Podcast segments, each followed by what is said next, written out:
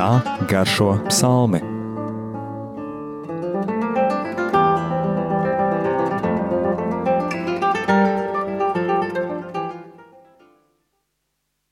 Studijā Stela un Anģela.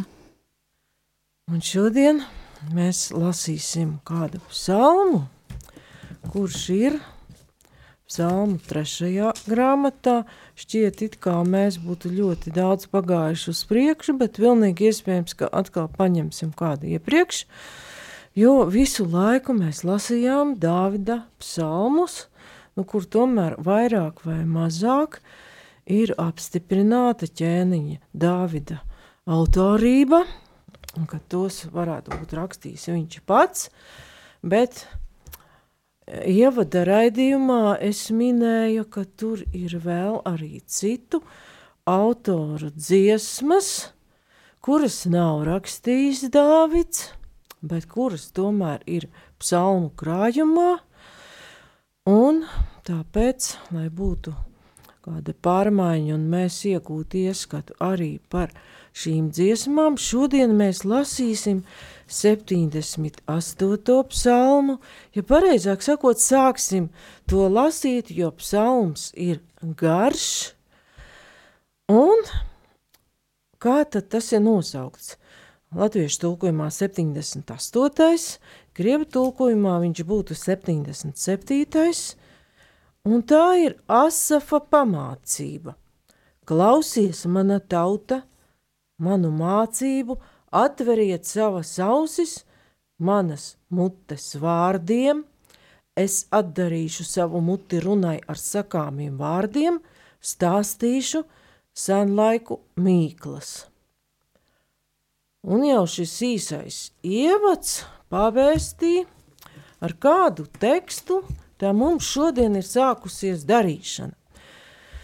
Tas ir gudrības psalms, Un psalmists Asafs šeit jau pasaka skaidri un gaiši, ka tā ir pamācība tautai, ir aicinājums klausies, šo uzaicinājumu klausies mēs uh, dzirdam arī, jeb redzam, lasot rakstus arī citās vietās, kā piemēram klausies Izraēlu, Vai arī jaunā derībā atklāsmes grāmatā ir vairāk kārtas teikums, kam ir ausis, tas lai dzird, ko gars saka draudzēm.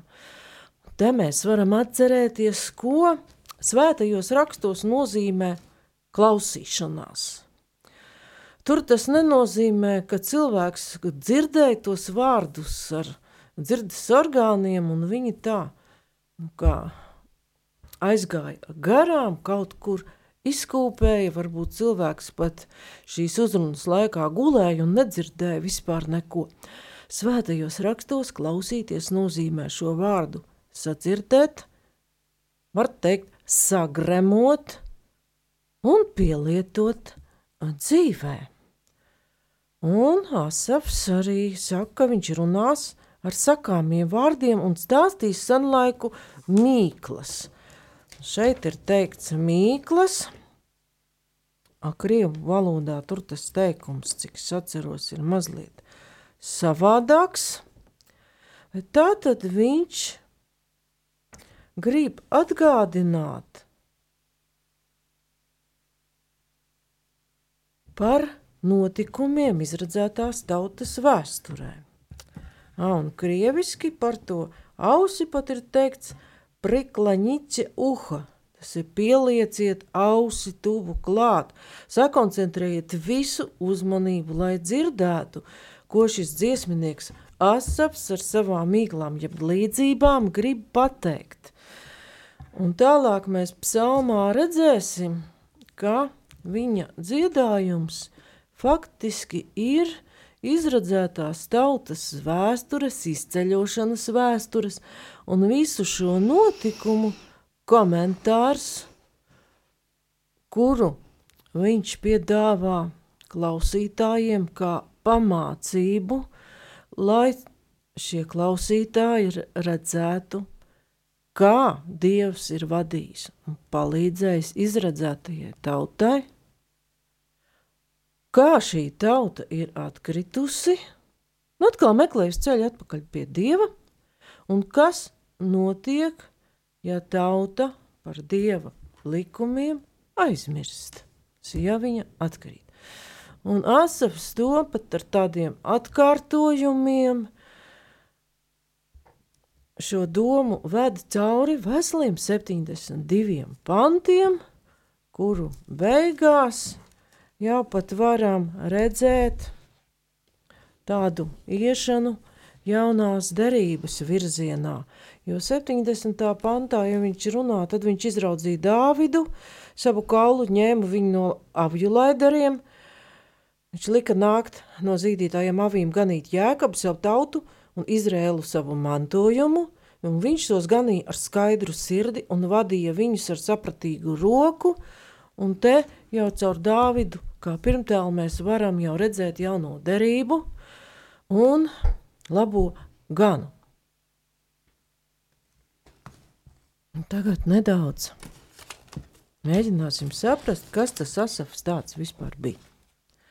Vai tāds ir dzīvojis, kad dzīvojis, izrādās, ka ir, un par viņu ir nedaudz vārdu citās vecās derības grāmatās. Un Asafs izrādās ir bijis ķēniņa Dāvida laika biedrs un par viņu mēs varam lasīt pirmajā laiku grāmatā. Un mēģināsim tur ieskatīties, kur mēs varam asafu satikt. Pirmā laiku grāmata un sestā nodaļa kaut ko saka. Un viņa brālis Asafs stāvēja viņam pa labai rokai. Asafs bija Berehis dēls, tas Šīmeja dēls, tas Mihaila dēls, tas Bāsaja dēls, tas Malhijas dēls.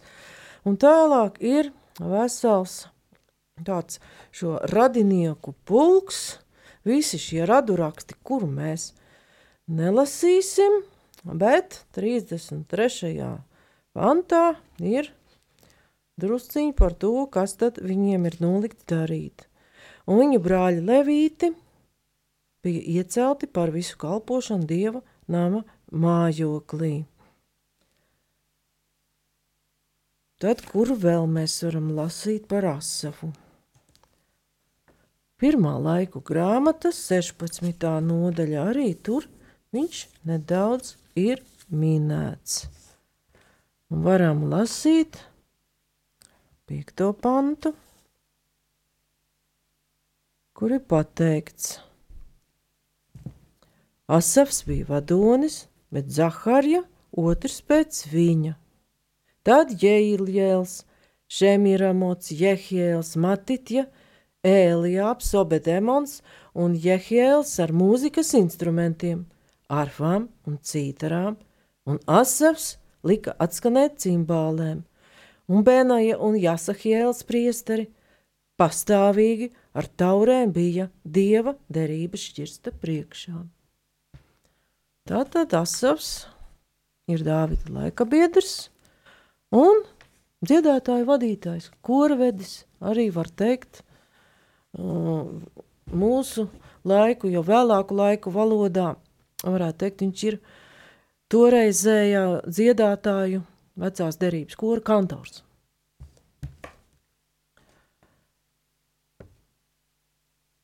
Un vēl ko mēs varam redzēt – ka šajā nodaļā, 16. nodaļa, 7. pantā, ka Dāvids ar Asafu sadarbojas šo dziesmu radīšanā, un mēs lasām pirmā laika grāmatā, 16. nodaļā, 7. pantā. Toreiz tā nīdienā Dāvids pirmo reizi deva Asafam un viņa brāļiem šo dziesmu, lai pateiktos tam kungam. Pateicieties tam kungam, piesauciet viņa vārdu, dariet zināmus tautu vidū viņa darbus. Un 16. nodaļā, 37. pantā, mēs varam lasīt. Tad Dāvids tur atstāja tā kunga derības šķirsta priekšā Asafu un viņa brāļus, lai tie pastāvīgi kalpotu šķirsta priekšā, kā ikdienas pienākas. Tad Dāvids ir devis šo uzdevumu un atstāja Asafu pastāvīgai kalpošanai. Un jaunās derības izpratnē mēs jau pat redzam to, ka Jēzus dod cilvēkam viņa uzdevumu, tajā pašā laikā atstājot brīvu telpu un vietu, kā viņš to darīs un kā viņš to pildīs. Teikt, ne Dāvids, ne Jēzus nestāv šim cilvēkam, kas ir saņēmis savu sūtību, savu uzdevumu, tā visu laiku ar tādu uzraugošu varu. Viņi, šie abi valdnieki, Dāvids un arī mūžīgais valdnieks Kristus dod pilnvaru cilvēkam un arī spēku, ja mēs runājam par Jēzu, veikt šo uzdevumu. Nu, arī turpinājumā varam izlasīt Mateja evaņģēlijā par to dzirdēšanu, saklausīšanu un uh, līdzības runāšanā. Kam ausis dzirdēt, tas lai dzird. Tas ir Mateja evaņģēlijas 13. nodaļa. Tad mācekļi piegājuši viņam klāt, jautāja, kādēļ to ar viņiem runā līdzībās. Viņš tiem atbildēja, jums ir dots zināt debesu valstības noslēpumus, bet viņam nav dots. Kam ir, tam tiks dots, un tas būs pārpārēm pagāts, bet kam nav, tam atņems arī to, kas tam ir. Es viņiem runāju līdzībās tādēļ, ka tie skatīdamies neredz, un klausīdamies nedzird un nesaprot. Paldies! Tad šeit mēs redzam, kā šo psalmu komentē Mateja evaņģēlijas. Tieši ar Jēzus pat kalnas sprediķi. Un šajā asaf pamācībā pat ir tāds izteikums – kas ir ļoti līdzīgs ar kalna sprediķa sākumu. Kasavs, lai arī viņš ir, var teikt, kantors, bet tai pašā laikā viņš ķēniņa Dāvida darba biedrs, izredzētās tautas vadīšanā tikai ar citu metodi. Otrā pantā Asafs saka, es atdarīšu savu muti runāju ar sakāmiem vārdiem. Stāstīšu senlaiku mīklas, tātad tur Anģeli jau uztvēra caur Mateja evaņģēlī, ka viņš vēlas runāt līdzībās tiem, kas grib dzirdēt un kuri grib pielikt šo piepūli, lai pavairotu to, kas viņiem ir dots. Un atdarīšu savu muti, to mēs redzam arī Mateja evaņģēlijā šo teikumu. Ka tur mēs varam lasīt, ka Jēzus – uzkāpis kalnā. Viņš uzkāpa kalnā, 5. nodaļa Mateja evaņģēlis, 1. pants un 2. un nosēdās, un viņa mācekļi sapulcējās pie viņa. Savu muti atdarījis, viņš tos mācīja, sacīdams. Kā redzam, bija Jēzus, kā viņš uzkāpa kalnā, dot jauno likumu, ka mums uzreiz ir šī asociācija ar Sinai kalnu, kas arī tika dots vecās derības likums tur kalnā, un Mateja evaņģēlijā mēs redzam, ka Jēzus nosēdies, tas ir kā valdnieks uz troņa, viņš atdara muti, lai mācītu. Tur, tur šis izteikums un arī Asafa psalmā nozīmē, ka abi šie vīri māca cilvēkus ar autoritāti, ko ir saņēmuši no kunga. Jo mums varētu likties, ka Dāvids izraudzīja šo asafu, bet Dāvids jau to darīja saskaņā ar dieva gara šo iedvesmu, kas darbojās tāpat vecās derības laikā, bet daudz skaidrāk mēs to redzam jau, jaunajā derībā. Un tālāk Asafs savā dziesmā pievērš mūsu uzmanību tādai ļoti būtiskai lietai, kuru šobrīd vēl jau vairāk mēs nedrīkstam pamest novārtā, nodot tālāk šo ticības tradīciju. Viņš sāk tieši ar to, ko esam dzirdējuši, zinām, un ko mūsu tēvi mums ir stāstījuši. To mēs neslēpsim viņu bērniem, to mēs stāstīsim viņu pēcnācējiem, tā kunga slavenos darbus un viņa spēku un viņa brīnums, ko viņš ir darījis. Viņš ir cēlis liecību Jēkabā un devis bauslību Izrēlā. Viņš ir arī pavēlējis mūsu tēviem, ka tā mācāma viņa bērniem, lai to zinātu vēlākais dzimums bērni, kas vēl dzims, ka tie celtos un par to stāstītu arī saviem bērniem. Un septītais pants jau pasaka, kāpēc visa šī pedagoģija ir vajadzīga, šī ticības tālāk nodošana, lai tie liktu savu cerību uz Dievu un neaizmirstu Dieva darbus un turētu viņa pavēles. Pat šeit mēs redzam, cik būtiska ir šī ticības nodošana bērniem, bauslības mācīšana. Arī varam izlasīt um, atklāsmes grāmatā, sestajā nodaļā. Klausies, Izraēla, kungu mūsu dievu. Tā nav. Ku, Tas viss atklāsmē. Oi, piedodiet, atkārtota likuma jā, grāmatā. Jā, jā, piedodiet, jā. klausies, Izraēla, kungs, mūsu dievs ir viens kungs. Un arī atklāsmē priekš mums, ja? Mīli kungu savu dievu ar visu sirdi, visu dvēseli un visu spēku, lai šie vārdi, ko es tev šodien pavēlu, ir tev sirdī, piekodini tos saviem dēliem, runā uz tiem, kad tu sēdi savā namā, kad tu ej pa ceļu, kad tu gulies un kad tu celies. Piesien tos par zīmi uz savas rokas, un lai tie ir piesprādzēti tev uz pieres, un raksti tos uz sava nama durvju stenderēm un vārtiem. Paldies!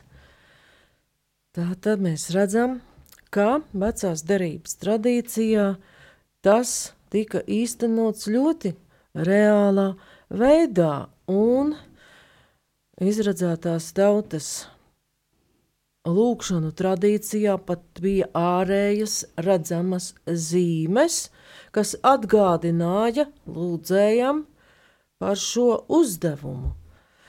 Bija uz pieres šī rakstu vieta, ja tāda maza kastīte, ko lūdzējs lika uz pieres, filaktērija un arī lūkšanas siksnas aprokām, tātad pat ar šīm ārējām zīmēm cilvēks visu laiku atcerējās,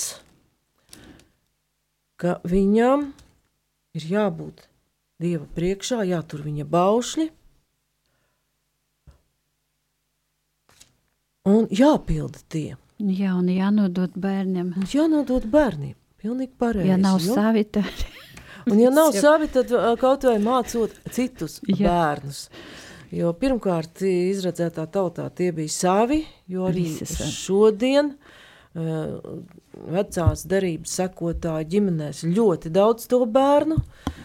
Un tieši attiecībā uz Toras un arī ebreju tradīciju apguvi 12 gadu vecumā ir tā sauktais barmicvā, kad jūda puika, meitene, ja es atceros gadiņa vēlāk, 13 gadu vecumā, kļūst par pilnvērtīgu kopienas locekli, un viņam ir jau jāpazīst šis ticības mantojums, šīs tradīcijas jau jāzina, kā lūgties, un jau atbilstoši viņa saprašanai un spējām jāzina svētie raksti.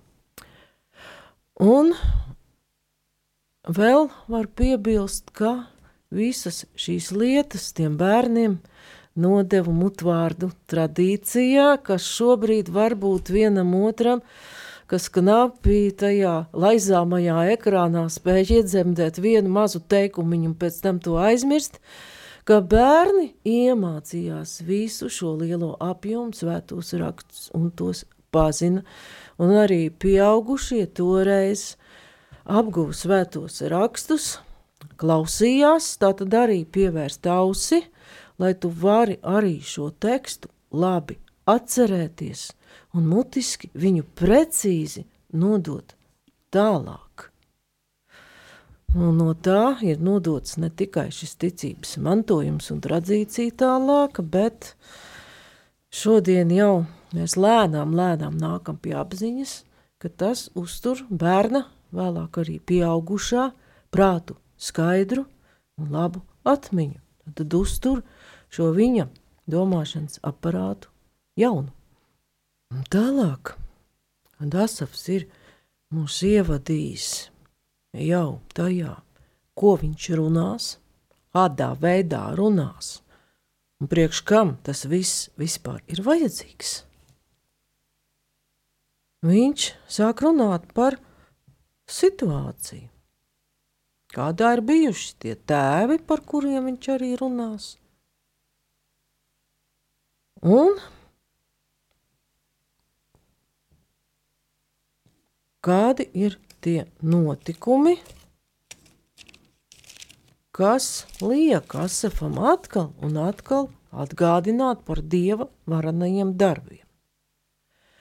Un jāsaka, ka šis psalms ir pat ļoti mūsdienīgs. Viņš arī palīdz atcerēties dieva varenos darbus, pat Eiropas vēsturē, arī mūsu pašu Latvijas vēsturē, jo nesen svinējām valsts svētkus, nepilnu mēnesi atpakaļ, ja paskatās to vēsturi, nu, bez Dieva līdzdalības un viņa palīdzības tas nebūtu iespējams. Arī visās Latvijas brīvības cīņās, kad tādi Puspliki, neapbruņoti, vāji apbruņoti jaunieši tomēr uzdrošinājās stāties pretī pieckārtīgam pārspēkam, jo Barmontu karaspēks bija ļoti labi apbruņots. Tā tad arī bija dieva varanie darbi, bet šodien mēs varam skatīties, kur no tā visa mēs esam aizgājuši prom, kā tā pati izradētā cilts un tie Efraima dēli, par kuriem Asafs runā 8. 9. pantā.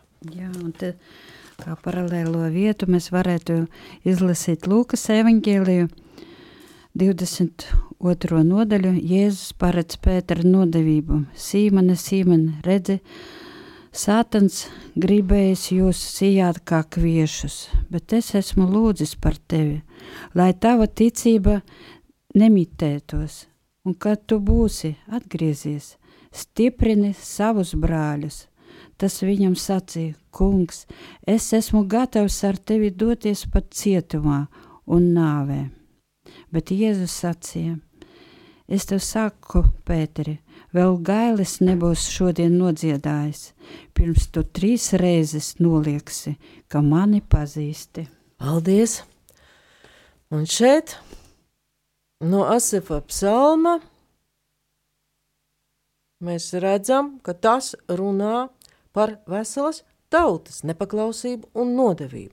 Bet Lūkas evaņģēlijā ir aprakstīts viens no šiem izradzētās tautas pārstāvjiem Pēteris, un redzam tai notikumā, ka viņam jau tā duša ir liela. Bet, ja mēs tālāk vēl pētītu, kā tur tā nodevība notiktu, mēs redzētu, nu, ka tomēr ir tā, uh, tāda bailīgums, pat, nu, negribās atzīties, ka viņš bija ar tiem mācekļiem kopā, nostrādāt tādas pavisam cilvēciskas lietas. Bet neskatoties uz to, mēs redzam, gan vecās derības vēsturē, tauta, ja mēs ietu cauri soģu grāmatas vēsturē, mēs visu laiku redzētu, ka tauta, ka ir jau lielas nepatikšanas un ir slikti nožēlotos grēkus, sauc uz kungu, Viņš piedod. Un viņa ir un paliek tā izradzētā tauta, kas sagatavo šo augsni jaunajai derībai. Un Pētera gadījumā mēs redzam, nu, ka no personāla vadības viedokļa galīgi nekāds. Ar ļoti lielām domām par sevi, lien kašķī, kur vajag un nevajag, un izrādās vēl nodevējs bet tas netraucēja Jēzum viņu izvēlēties par pirmo baznīcas vadītāju, un viņam Mateja evaņģēlijā 16. nodaļā sacīt, tu esi Pēters, klints, uz kuras es celšu savu draugu. Un, Pēterim sanāca nožēlot un atgriezties. Nu, tāpat kā izredzētā tauta visu laiku to dara, mēs iesim tālāk Asafa psalmā. Jo Asafs uh, saka, kāpēc atgādināt visu laiku to, jo mēs jau arī atgādinam, svētdienas skolā atgādina vecāki bērniem šo jaunās derības vēsturi arī notikumu ar Pēteri. Lai Viņi nebūtu tādi kā viņu tēvi, stūrgalvīga un nepaklausīga cilts. Cilts, kas savā sirdī nebija pastāvīga, kam gars neturējās pie dieva. Efraima dēli, kas bija bruņoti stopiem, atkāpās cīņas dienā. Viņi neturēja dieva iecelto derību un liedzās staigāt viņa bauslībā. Viņi aizmirsa viņa darbus un brīdumus, ko viņš bija parādījis. Viņu tēvu priekšā viņš bija darījis brīnums Eģiptes zemē, Coānas laukos. Un tālāk jau Asafs savu dziesmu ir veltījis visiem šiem brīnumainiem darbiem, par kuriem mēs lasām izceļošanas grāmatā. Un te viņš ir minējis tādus Efraima dēlus, tad rodas drusciņ jautājums, kas tie tādi. Bet arī par viņiem ir minēts radīšanas grāmatā. Varbūt pētot psalmu, mēģināsim jau nākamajos raidījumos atrast, kāpēc tieši viņi tur ir minēti. Un radīšanas grāmatā 48. nodaļā no 1 līdz 14 pantam mēs redzam aprakstu par šo Efraimu, un viņš ir viens no Jāzepa dēliem. Un 48. nodaļā, pirmā mūzes grāmatā, mēs varam lasīt. Pēc šiem notikumiem Jāzepam tika sacīts, tavs tēvs ir sasirdzis – Tad viņš paņēma savus divi dēlus, Manasi un Efraimu, sev līdzi un sacīja Jākapam: Redzi, tavs dēls Jāzeps nāk pie tevis. Tad Izrēls atguva spēkus un apsēdās savā gultā. Jākaps sacīja Jāzepam, jo Jāzeps savukārt ir Jākapa dēls, ja mēs to visu atceramies. Tas visu varenais Dievs parādījās man lūzā, Kānāna zemē, un svētīja mani, un man sacīja – Redzi, es būšu tas, kas tev liek augļoties un vairoties, un kas tevi darīs par tautu kopu, un es došu šo zemi par mūžīgu īpašumu taviem pēcnācējiem pēc tevis. Tad nu tavi divi dēli, kas tev ir dzimuši Ēģiptes zemē. Pirms es atnācu uz Ēģipti, Efraims un Manase būs manējie, līdzīgi Rūbenam un Simeonam. Tātad te mēs jau redzam, ka tie ir Jāzepa dēli un Efraims ir viens no viņiem. Tālāk mēs redzam, ka tur it kā samainās tā svētība, ka Jāzeps 17. pantā. Mēs lasām tajā pašā 48. nodaļā, iz, uh, radīšanas grāmatā. Un Jāzeps ievēroja, ka viņa tēvs savu labo roku lika uz Efraima galvas. Tas viņa acīm bija nepatīkami, un viņš satvēra savu tēva roku, lai to novirzītu no Efraimas galvas uz Manases galvu. Un Jāzeps sacīja savam tēvam, ne tā, mans tēvs, šis ir vecākais. Liec savu labo roku uz viņa galvas. Bet viņa tēvs liedzās un sacīja, es zinu, mans dēls, Es zinu, ir to, arī tas taps par tautu, arī tas pieaugs, bet viņa jaunākais brālis būs lielāks par to, un viņa pēcnācēji būs to, kas, tie, kas piepildīs zemi. Un viņš to svētīja tanī dienā sacīdams, tavā vārdā Izrēla dēli svētīsies, tie teiks, lai Dievs tev dara tā, kā viņš Efraimam un Manasem ir darījis. Un viņš cēla Efraimu pār Manasi. Un atkal šķiet tā dīvaini, jo ar tām pirmdzimtības tiesībām mēs jau vēl kādu stāstu atceramies no vecās derības, kā tur bija ar to lēcu vīrumu, bet Esava gadījumā bija tā, ka Esavs pats to iemainīja pirdzimtības tiesības pret lēcu vīrumu, bet šeit Manasas un Efraima gadījumā mēs redzam, ka Tas ir Dieva prāts, ka tas vājākais un mazākais tiek celts augstāk par to, kas ir lielākais. Jā, Dievs visu paredz. Jā, arī mēs varam lasīt atkal atkārtotu likuma grāmatu 30. 31. nodaļu, kad es tos atvedu uz zemi, ko biju zvērējis viņu tēviem, zemi, kur piens un medus plūst, un viņi ēda līdz sātam un kļuva trakni, tie pievērsās citiem dieviem, kalpoja tiem, noniecināja mani un lauza manu derību.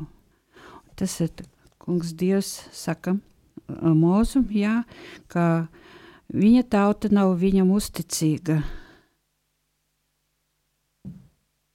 Jā, paldies par šo tekstu, jo tas jau mūs vada tālāk, Asafa psalma, nākamajiem pantiem, kurus mēs skatīsimies turpmāk, ka šī tauta pat, ja ir izradzēta, arī tas pats Efraims ir izradzētais, viņš nav uzticīgs.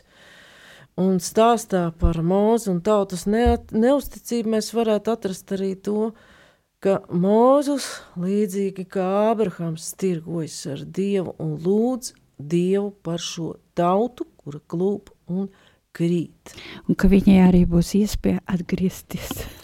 Nu, to viņi arī dara visas izceļošanas laikā un arī visas dzīvošanas laikā izradzētajā zemī. Viņi krīt ceļas, kā arī darām mēs, kā jaunās derības tauta – bet nākamajā reizē jau mēs pievērsīsimies tieši šiem brīnumu darbiem, par kuriem atgādina Asafs. Mēģināsim to saprast, kā mums ieraudzīt šos brīnumu darbus mūsdienās, gan mūsu tautas, gan mūsu pašu dzīvē. Un nekad neaizmirst par viņiem. Paldies par uzmanību. Un studijā bija Stela un Anžela.